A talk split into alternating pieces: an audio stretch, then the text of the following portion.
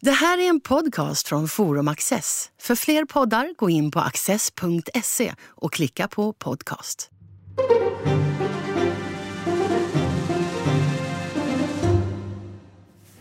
Välkomna till Studio Access.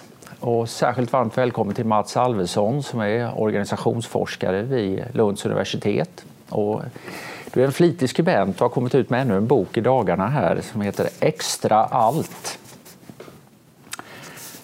Man skulle kunna kalla den för en, en, en, studie i extremism.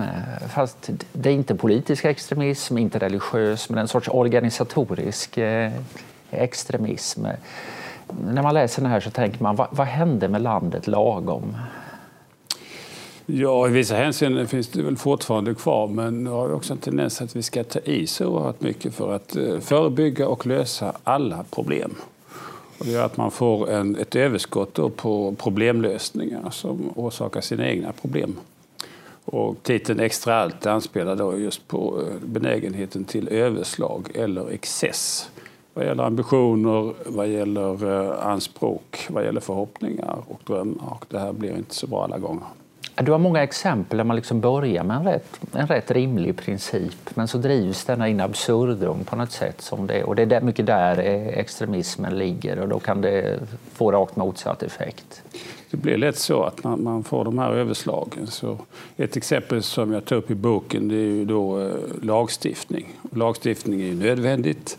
Ofta har den en bra eh, funktion, bra effekter, men ibland så överdriver man det här. Så vad är problemet? Jo, folk klagar. Det kan vara någon på ett äldreboende som blir lämnad på toaletten över natten.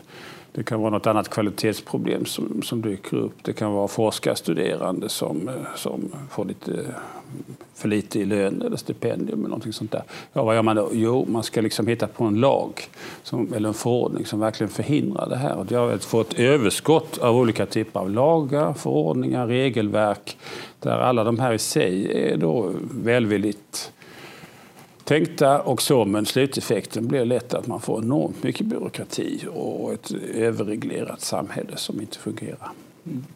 Du är forskare och vetenskapsman, men, men det här är inte en traditionell eh, så att säga, vetenskaplig, eh, vetenskaplig bok. Men du använder några begrepp ur, ur vetenskapen som kan vara bra tror jag, att ha med sig där samtalet. Inte minst det här om eh, livsvärd eh, kontra systemvärd. Kan du berätta lite om vad det innebär? Ja, det kommer från den tyske eh, sociologen och filosofen Jürgen Habermas och en väldigt inflytelserik teori där Habermas menar att systemvärden och det är värden av lagstiftning och pengar och olika typer av formella system, både inom marknadens ram men också inom den offentliga sektorns ram. Står för rationaliserade lösningar på alla möjliga typer av problem. Motsatsen är då livsvärlden där vi lever våra liv mer spontant i våra naturliga relationer, i våra kulturella sammanhang. Och Habermas tes är ju då att systemvärlden tenderar att kolonialisera tillvaron. Så allt mer då av våra liv det ockuperas av marknadsmässiga lösningar där marknadsförare och andra då hela tiden erbjuder och styr våra, styr våra behov och, och erbjuder lösningar på de här. Och den offentliga sektorn då, och olika professionella grupper de har hela tiden då olika typer av, av lösningar på alla möjliga problem. Och det innebär då att livsvärden, våra naturliga spontana relationer och förmåga att själv ta ansvar för våra liv, hantera de här med, med vänner och släkt och grannar och naturliga miljöer, det, det tenderar att tömmas på innehåll. Att vi blir väldigt beroende beroende av den här systemvärlden som hela tiden då tenderar att penetrera våra tillvaror. Utlovar väldigt mycket men, men inte alla gånger lyckas mm. leverera. Det känns det som att liksom sunt förnuft och, och livserfarenhet sånt här, det duger inte riktigt utan man måste ha rutiner också och eh, protokoll man kan bocka av. Vad, det, det, vad, är det någon sorts dåligt självförtroende som ligger i botten här? Eller vad? Jag tror att det är väldigt mycket som spelar in. Dels eh, finns det ju då ett överskott av olika människor, professioner, organisationer som är vad kallar för lösningsindustrin. Alltså att man, man erbjuder hela tiden människoförbättring eller samhällsförbättring. Och de här eh, expanderar som sagt. Och det gör då att, att man hela tiden eh, har frågan att hantera. Ska jag hantera det här själv? Ska jag tänka själv? Ska jag nyttja mina resurser? Eller kan jag gå till en expert? Eller kan jag se vad finns det för policies, regelverk då? i arbetslivet som på något sätt ska hantera de här frågorna. Och det gör just att, att det här överskottet på olika typer av organisationer, professioner, lösningar, policies, regelverk och liknande, det gör att, att vi tenderar att inte tänka så mycket själva. Utan eh, vad ska jag göra nu? Jo, det finns en policy, det finns en regel, det finns en lagstiftning, det finns expertiser strukturer som på olika sätt och vis erbjuder lösningar på det här. Och det gör att man blir lite, lite eh, tanketrött och lite oförmögen att, att ta ett självständigt ansvar för sig själv, sina relationer, för sina medmänniskor. Det har nästan också blivit som en sorts ritual det här, eller ett obligatorium att man måste ha policies för det som händer. Om det har uppstått ett problem av den här typen du nämnde tidigare så duger det inte att säga att det var en person som agerade obetänksamt och nu måste vi ha ett samtal om detta och så ska vi lita på att det går, eh, sunda förnuftet får råda den hållningen tål liksom inte ett möte med medieverkligheten och organisationsverkligheten utan man måste visa upp att man har en policy. Det är nästan viktigare ibland, får man intrycka av dina exempel, att man har en policy än att man gör rätt. Mm. Jo, alltså väldigt många av de problem som uppstår eh, barn som behandlas illa, socialtjänsten som gör fel, eh, något företag som har klantat till i något sammanhang man har tre standardlösningar på det här. Och det ena är att vi, vi, eh, eh, vi har gjort allting formellt rätt. Helst följt alla lagar och regler och förordningar. Det är bra. Eller också så säger man att man, vi, vi ser över våra rutiner. Ungefär som att rutiner är lösningar på alla problem. Och det tredje, om inget annat hjälper, ja vi jobbar med vår värdegrund. Mm. Och med hjälp av de här tre varianterna så täcker man ju in det mesta. Och alternativet är ju då att säga att det här är en enskild person, en olycklig omständighet eller något annat som har gjort att, att, att det blivit illa. Det ska vi ta tag i mycket mer selektivt. Det blir mycket mer problematiskt och knepigt och då kanske man uppfattas klandra någon enskild stackars person som inte har fått tillräckligt mycket information om alla policies, alla rutiner, eh, formellt rätt anställd eller vad det är för någonting. Utan man får den här typen av liksom generaliserade lösningar, enhetstänk som allting ska då hänvisas tillbaka till. Och det där gör ju att ja, det blir inte särskilt bra. Vi nämnde Habermas och det här med systemvärde och livsvärden. En annan eh, person vars eh, eh, anda man märker i boken det är Northcote Parkinson, den här brittiska historien som skapade Parkinsons lag om den evigt expanderande byråkratin. Det verkar lite i hans anda kan man väl, kan man väl säga. Han hade då Parkinsons lagar och du lanserar A-lagarna åtta stycken som eh, strukturerar den här eh, boken. Men de står inte för Alvessons lagar. Nej, ett tag i ett svagt och narcissistiskt ögonblick så tänkte jag att man kunde kanske kopiera Parkinsons framgångskoncept. Att, att kalla lagarna eh, efter sitt eget namn, men det tycker jag låter lite pretentiöst. Så A här står för allt om spännande lagar lagar då som, som, ska, eh, som vi tenderar att följa och som utlovar att vi löser alla problem med ett, ett överskott på olika goda intentioner och olika typer av formella eh, strukturer, policies etc. Eh, så, men, men allt om spännande lagar. Och, och du, de fenomen du beskriver, den här, ja, vi ska komma in på delmängderna här, men är de, gör de sig påminda i särskilt hög grad i någon miljö? I högskolan, i skolan, i den offentliga sektorn i allmänhet? Är det någon skillnad på offentligt och privat? Eh, det är det nog. Alltså offentlig sektor är ju mycket mer utsatt för granskningar och eh, då en domän där mer av rättigheter, anspråk, förhoppningar är i omlopp. Stora företag tenderar väldigt mycket av det här också. Där ja, man, man är mer i medias sökljus, man kan ha lite högre krav på dem. Eh, saker och ting är mer svåröverskådliga och det gör ju då att just sånt som byråkrati och regelverk och standardiserade lösningar på allting tenderar att expandera. Om man har eh, ett lantbruk eller eh, en mindre industri så är man nog mer befriad från en del av de här fenomenen som jag tar upp. Men i stort sett är det sånt som genomsyrar det moderna samhället, inte minst i Sverige så det här är rätt generella fenomen som med tiden har eskalerat mer och mer. Alltså har du haft möjlighet att undersöka detta någonting? Så att säga, den här kärleken till policies, värdegrunder, rutiner. Eh, är det något speciellt svenskt med den? Eller är detta en internationell sjuka? Det är nog en internationell sjuka. Tar man brittiska universitet så har de i de flesta fall fler anställda som sysslar med administration, ledning, stöd, reglering än de har folk som sysslar med undervisning och forskning. Och det kan man tycka är helt absurt. Så det är nästan så att Parkinson skulle vända sig i sin grav. Å andra eh, sidan nämner du att polisen har 200 kommunikatörer på sin, sin centrala verksamhet medan det kan vara två man i en radiobil som ska bevaka Norrlands inland. Eh, ja, det är också en sån här absurditet då, ja. som, som, visar på att vi lever i ett samhälle där en av mina lagar är lagen om ballongsamhället. Att vi har väldigt mycket resurser, väldigt mycket energi och uppmärksamhet som läggs just på att det ska se bra ut, så att man kommunicerar rätt varumärke. Eh, så det här finns ju i Sverige också i stor utsträckning. Det är liksom svårt, om man skulle tänka sig något VM i extra allt så skulle det vara väldigt hård konkurrens om att nå väldigt högt härvidlag. Alltså även i USA, det, det, det finns ju en hel del eh, extrema fenomen, typ eh, vad man kallar för ja, trigger warnings, att man ska absolut inte kränka någon grupp. Alltså varje grupp som håller på med sin identitetspolitik är oerhört känsliga för, för olika saker. Och det har eh, campusmiljöer så humor är nästan bannlyst på sina ställen. Alltså det är alltid någon som kan trilla, visa, eh, trilla av sig av det här. Och det gör att man har både de här brittiska exemplen, de amerikanska exempel och en mängd svenska exempel på olika typer av absurditeter mm. som finns överallt i världen, eh, framförallt då i moderna eller postmoderna samhällen. Och eh, det här innebär just att konkurrensen om vem är bäst eller vem är, snarast vem är värst, att den är väldigt hård. Är det så att man håller på med sånt här där man har råd att hålla på med det? Det är nog rätt mycket ett överflödsfenomen. I fattiga samhällen så är man intresserad av basics, vad som är väsentligt. Saker och ting måste fås att fungera lite bättre.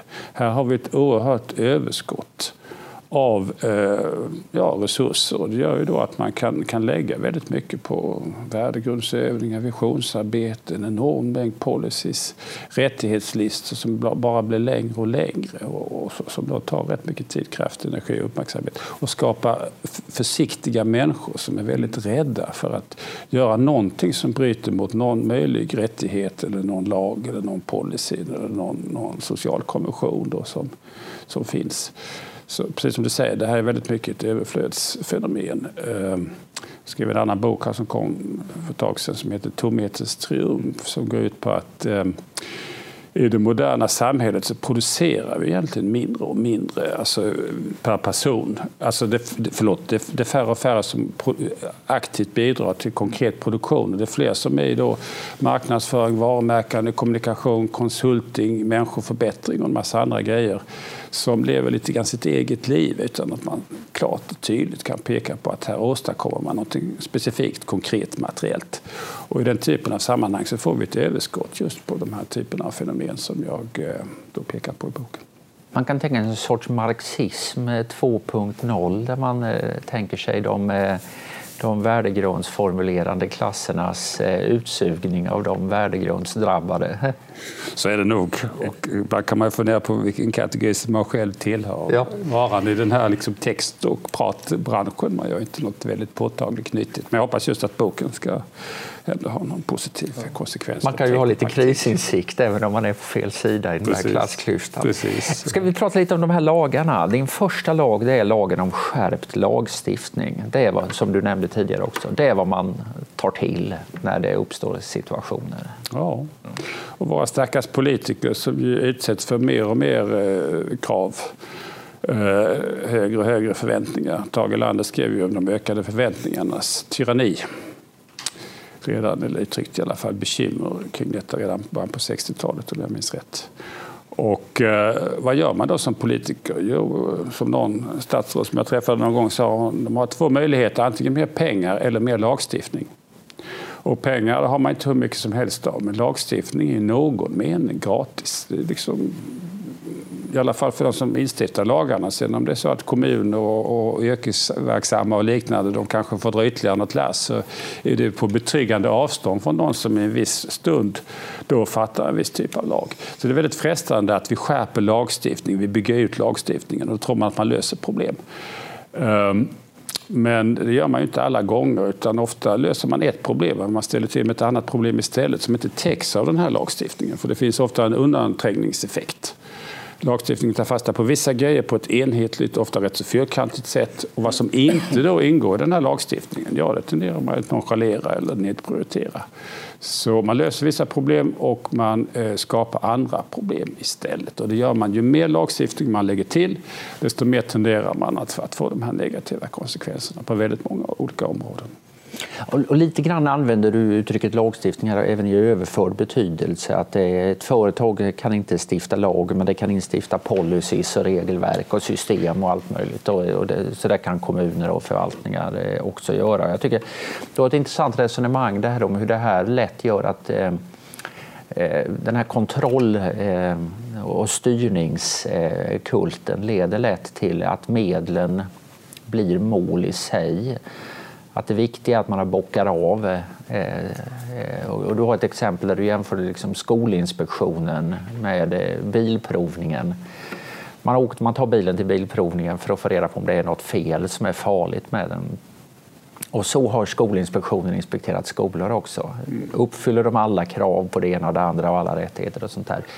Men den här stora och egentligen viktigare frågan är det här en bra skola? Lär sig eleverna någonting? Det, det finns ingen ruta att kryssa i för det. Det blir, det blir för komplext. Det är svårt att ha en lagstiftning som täcker in det här. Man kan liksom inte lagstifta fram att skolan ska fungera bra. Däremot kan man lagstifta att det ska vara elevinflytande och, och uh, olika elever med särskilda behov av stöd, de ska tillfredsställas och man ska följa läroplanen i detalj och vad det är för någonting. Så eh, man, det finns en skollag som är så här tjock ungefär. Mm. Och det kan ju knäcka vem som helst och den har väl bidragit till att knäcka skolan. Eh, någon ledarskribent beskrev svensk skola som en försortsminerad jättebomb eh, från en, i en katastroffilm från 70-talet. Vad man än gör så eh, kommer någon del i den här eh, försortsminerade bomben att utlösas. Och, ehm, och det är ett enormt problem det här att vi ska liksom lagstifta, reglera, ha förordningar och regelverk som ska eh, hantera alla situationer. Det, det, det knäcker många organisationer. Det bidrar till att socialtjänst, skola, högskola, polis och många andra verksamheter de fungerar väldigt illa.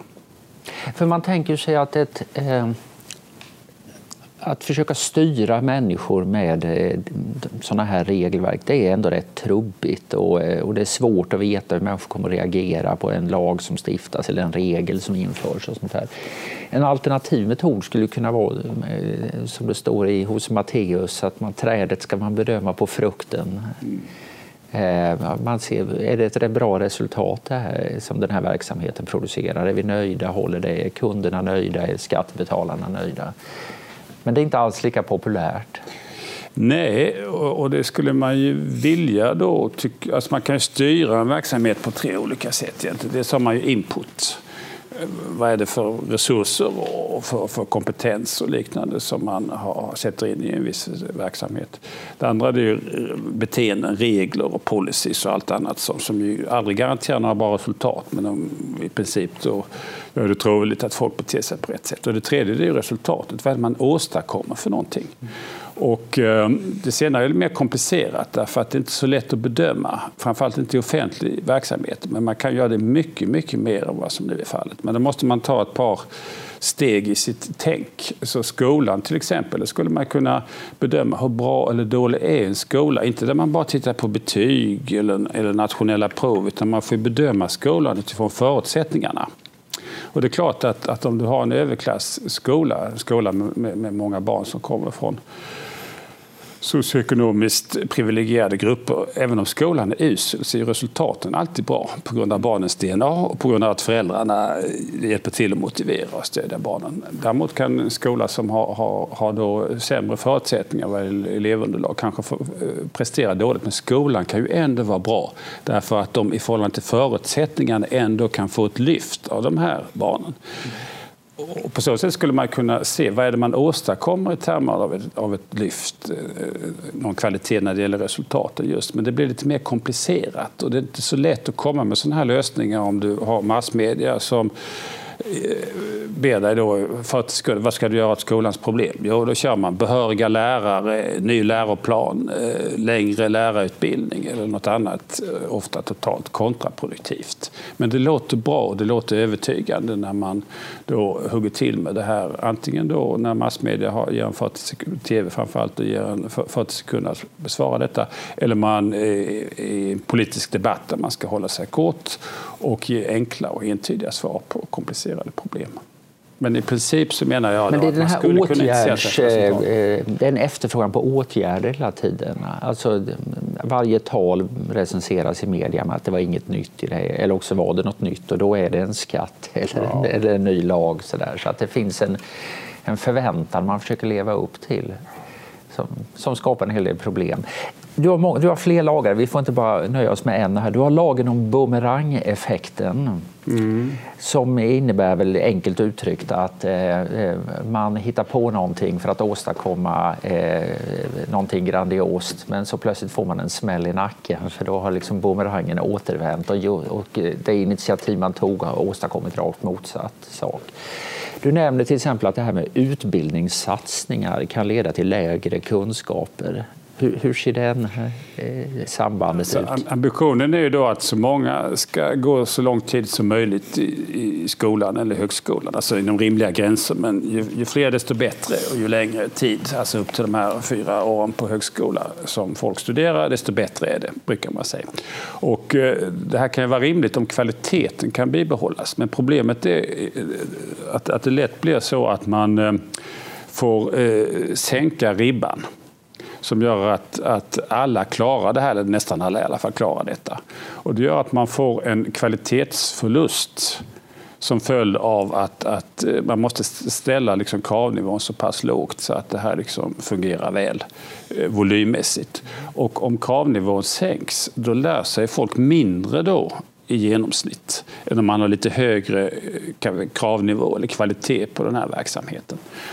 Och det innebär då att eh, fler studerar men eh, det blir fler och fler av dessa som inte lär sig särskilt mycket i förhållande till ett, ett system där det kanske var lite färre som studerade med, med liksom kravnivån. Förkunskaperna, kravnivån eh, var, var, lite högre. Så det är mycket lätt hänt då att, att ökad volym leder till kvalitativa förluster.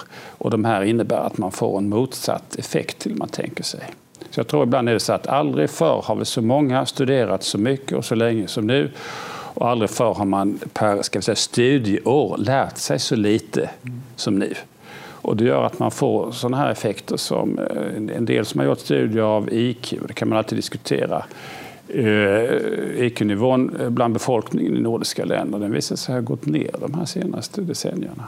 Tidigare gick den uppåt. Det var delvis en följd av att man hade ett utbyggt skolsystem. Ja, IQ är väl inte oberoende av eh, undervisningen man Nej, får? Man får väl tänka sig att det ändå är så att det är intellektuell träning och så. Va? Men, men dels har vi kanske en problematisk skola, men, men man har ju också det här problemet med med, med, med, volymen då. Att det blir eh, ökad volym, då får man kanske mindre kvalificerade lärare. Man får studenter med mindre förkunskaper, kanske lite mindre intresse där många studerar just för att man vill undgå dåliga det har, jobb. Det har väl mycket med status att göra det här också. Jag menar, en viktig drivkraft bakom den här expansionen av högskolan är ju på något sätt ändå att liksom många fler ska få vara akademiker och ha akademiska titlar. Ja.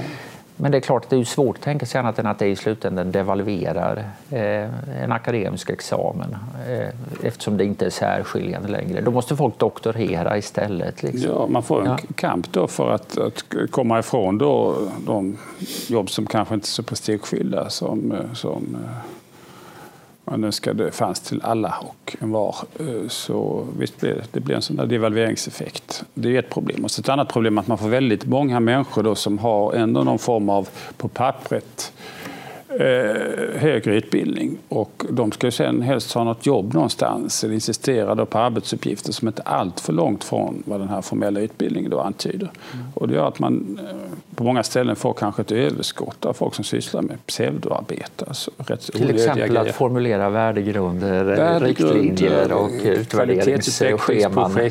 och, och människoförbättring, samhällsförbättring i, som helhet. Då, va? Så att det, det är ett stort problem det här. Du talar om yrkeskategorin teragoger. Mm. Vad är det för någonting? Ja, jag gillar att försöka komma på lite nya begrepp. Och teragogik det är då en blandning av terapi och pedagogik. Så vi har ju dels ska vi säga, terapi då som är riktad mot folk som har svåra problem, då depression och tvångsneuroser och mår riktigt illa. Och, ehm, och sen har vi då pedagogik som ibland handlar om att man verkligen lär sig någonting. Man lär sig skriver, läsa och skriva, man läser naturvetenskap och väsentligheter och sånt där. Och så har vi då en väldigt stor kategori här mitt emellan, alltså där man blandar då terapi och pedagogik. Så man ska lära sig rätta värderingar, typ värdegrunder. Du ska liksom inte ha några konstiga värderingar som liksom inte är helt acceptabla och som alla kan dela och ställa upp på. Du ska vara en teamperson som är liksom lagom känslig för saker saker och ting. Du ska vara eh, chef, du ska inte bara sköta chefsarbetet okej, okay, utan du ska vara en ledare som inspirerar och som kan ta hand om alla möjliga aspekter av, av arbetsmiljön och liknande. Och det här blir liksom någon blandning mellan då mjukisterapi och någon form av halvflumpedagogik. Och det här är då ett sysselsättningsområde som eh, folk egentligen håller på med. Med mentorer och coacher och, och normkritik, eh, experter och jämställdhetsförbättrare och, och vad det nu är för någonting. Och eh, det här då eh, har både terapeutiska inslag för att anknyta liksom hur du känner, hur du har det, vad du har för förhållningssätt och självbild och sånt där. Ehm, men också det här pedagogiska, att man ska lära sig det här rätta, rätta sättet att vara på enligt, enligt standards. Nu har vi fört ett väldigt eh, vad ska man säga, allvarligt och seriöst samtal om, om, eh, om denna bok och det förtjänar den ju. Men det är, den är också rolig. Jag menar, du, du gillar drastiska formuleringar och det är mycket tragikomiska exempel eh, som gör det. Det är väl så man står ut helt enkelt genom att, att kunna göra detta. Jag noterar att det står i ditt förord här att Lunds universitet har i sin, om det nu är värdegrund eller vad det var, att vi ska vara humoristiska.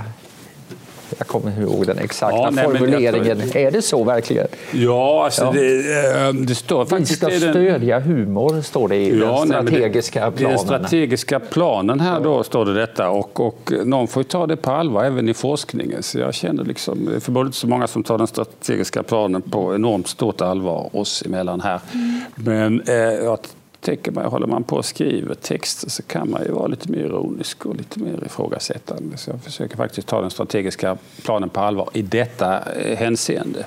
I de flesta andra hänseenden så kanske man ska vara lite mer... Man får väl i ärlighetens namn känslan när man läst boken här att högskolan verkar vara en sektor som är särskilt illa drabbad av de här fenomenen och eh, du beskriver. Vad tycker dina chefer och kollegor om, om ditt budskap? Ja, alltså fördelen med att vara på på ett universitet fortfarande, hur länge det nu varar, och inte minst på ett gammalt universitet som, som Lund, det är ju att man har ändå rätt så ordentliga frihetsgrader. Så det är väldigt mycket ökande regelverk och policies och påfund för att absolut ingen ska bli kränkt. Vi lever i en kränkthetskultur och, och eh, den drabbar ju även eh, universitet som tenderar att vara väldigt liksom försiktiga. Och, det har ju varit lite... några tråkiga exempel just i Lund, men det finns fortfarande frizoner. Ja, det gör det fortfarande då, så länge det nu varar. Och, eh, men problemet och det sorgliga är ju att universiteten var ju länge då någon slags ändå eh, högborg då för kritiskt och reflekterande tänk. Mm. Nu eh, är det kanske inte så längre utan det blir mer och mer byråkratiserat. Det blir mer och mer policies och, begränsningar. och eh, det gör då att folk blir mer och mer tuktade liksom i alla andra typer av verksamheter. Blir mer och mer försiktiga vad man säger och angelägna om att göra allting formellt rätt. Alltså det är sådana enhetstänk som, som breder ut sig överallt och, och som gör att myndighetsgreppet över verksamheten det blir starkare och starkare. Och det är förödande det är för liksom självständigt, fritt, kritiskt reflekterade tänk. Folk som inte bara hamnar i huvudfåran och håller på med digitalisering och innovation och jämställdhet och och hållbarhet och annat som är viktiga frågor. Men alla ska kanske inte behöva underordna sig en regim som specificerat så ska man tänka och tycka och så ska man forska och undervisa. Mats Alvesson, stort tack för att du har varit här. Tack så mycket. Och tack för att ni har tittat.